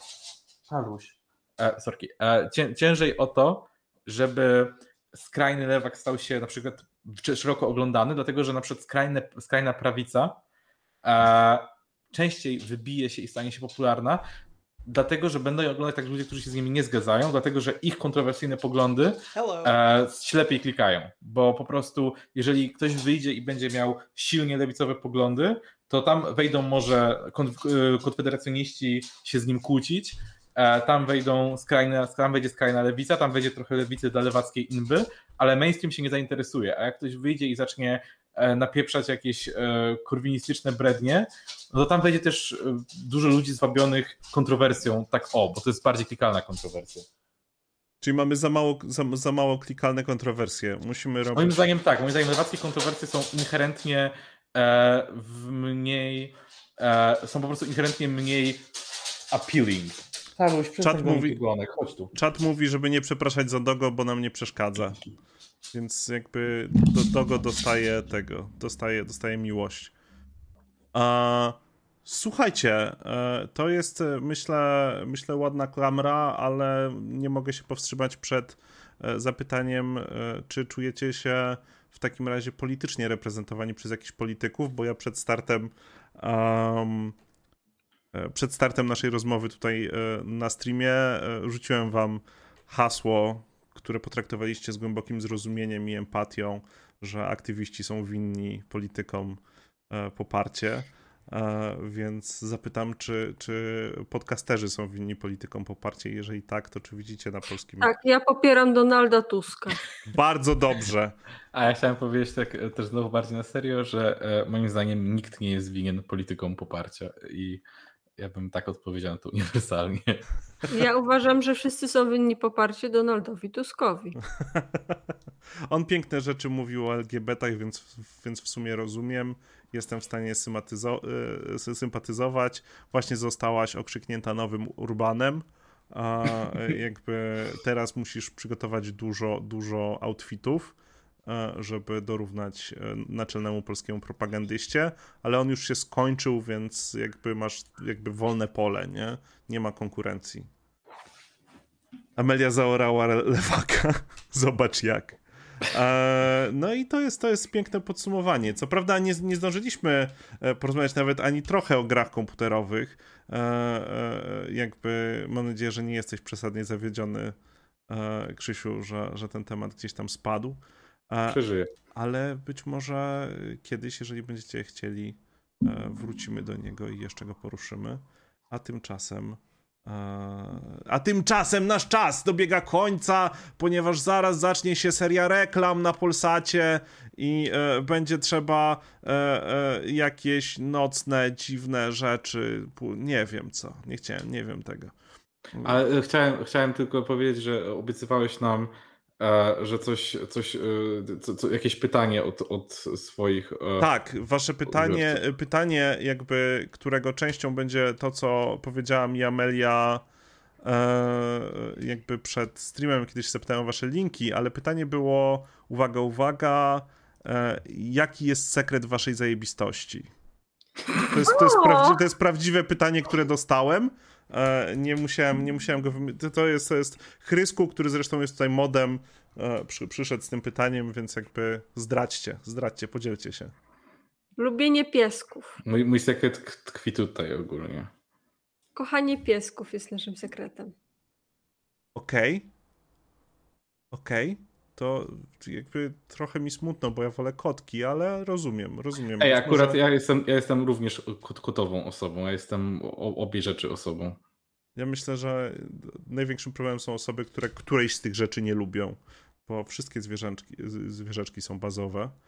E, natomiast e, jakby jeżeli chodzi o wasz sekret zajebistości, to zapytałem się was przed streamem, czy chcecie jakieś linki udostępnić i e, jakby odpowiedź Ameli bez mrugnięcia po prostu natychmiast e, to była no hello, jest zbiórka na strajk w, w Trzemesznie, więc jakby zgodnie z oczekiwaniem wrzucę link do zrzutki na, na, na, na strajk pracowników, ponieważ proletariat musi proletariatowi pomagać. Znaczy ja się czuję proletariuszem. Mam, nie, mam nadzieję, że nie obraziłem was. My jesteśmy, my jesteśmy imperatorami przecież. Dobrze, dobrze. Więc szlachta czasem też schodzi, stępuje i tego. A, więc na zakończenie chciałbym powiedzieć, e, wypromujcie swoje rzeczy, powiedzcie, co, co, co, co was czeka w najbliższym czasie, powiedzcie coś fajnego e, e, jakby o, o swoich planach i, i, i zapnijmy to w ten sposób. Mm, to ja mogę powtórzyć to, co już mówiłem dla tych, którzy może nie słyszeli, że e, jest in the workings i to pewnie zajmie trochę więcej czasu, ale e, film albo może nawet kilka o e, incelach. To jest jedna rzecz, forma wideo i prawdopodobnie jutro lub pojutrze pojawi się również nowy odcinek mhm. i będzie to trochę próba takiej, może nie do końca nowego formatu, ale takiego podformatu, którym, który, który ostatnio sobie tam e, opracowaliśmy. Czyli e, no w sumie zaspoiluję, że to będzie po prostu pierwsza z takiej serii, którą być może trochę pociągniemy, jak się będzie podobało. E, portretów konkretnych, być może głównie konserwatywnych polityków w których przyjrzymy się tak całemu życiu i, i co tam się dzieje z nim. Ale polskich A, czy? Nie, nie, okay. ale żeby jakby idea jest też taka, żeby poprzez właśnie e, tych ludzi zaprezentować jakieś e, interesujące aspekty, czy to czasów, w których e, działali lub się wychowywali, czy to krajów, w którym właśnie mieli okazję działać, więc tak, taki mm, powiedzmy, żeby mm, to nie było tylko tło, ale żeby też móc się temu przyjrzeć przy okazji. A i co? I, i, I nie wiem, Amelia, mamy coś w planach? Ja mam w planach skończenie magisterki, a jak skończę magisterkę, to się zabiorę do pracy i zrobię wam jakieś fajne nowelewe papiery, ale nie wiem jeszcze jakie. Czy magisterkę będziesz uspołeczniać? Nie, bo to nie będzie dobra magisterka. Okej. Okay. To, to, to, to, nie, to mnie zgasiło. No dobrze, e, ja, ja e, ze swojej strony powiem, że wiecie czego oczekiwać po, e, po, po dwóch wspaniałych personach lewego interesu, po, po, po Krzysiu albo Kubie i po Ameli, lub po Ameli i po Krzysiu albo Kubie. Jakby wymieszajmy to, żeby, żeby nie było, żeby nikt się nie poczuł niedoceniony. Krzyśmelka. Taki Uuu, dobrze. Dobrze, to już jest wasz tego, to już jest wasz pudelkowy e, cross. E, dobrze, dobrze, dobrze. E, Najwyraźniej już tak. e, jakby... Chciałbym to odpowiedzieć. Chciałabym. Nie. Mam nadzieję, Krzysiu, Krzy... o Jezus, Krzysiuba? Bo to jest Krzysi Kuba, tak? Okej. Okay. E, jakby słuchajcie, no jakby mam nadzieję, że tworzymy tutaj jakiś kawałek waszego loru przyszłego i mam nadzieję, że zobaczymy jeszcze bardzo dużo, bardzo dużo waszych odcinków, bo naprawdę robicie fajne rzeczy. Ja wam dziękuję, widownio dziękuję wam za aktywność i za pozdrawianie i za bycie słodkimi osobami. Przede wszystkim jeszcze raz zarzucę, zarzucę e, e, tego pięknego Linktree naszych dzisiejszych gości na wypadek, gdybyście jakimś cudem przyszli tu dla mnie, a nie dla nich. E, natomiast e, ja e, zachęcę Was też do zostania u mnie, jeżeli macie ochotę, jeżeli Wam się podobało. I się pożegnam.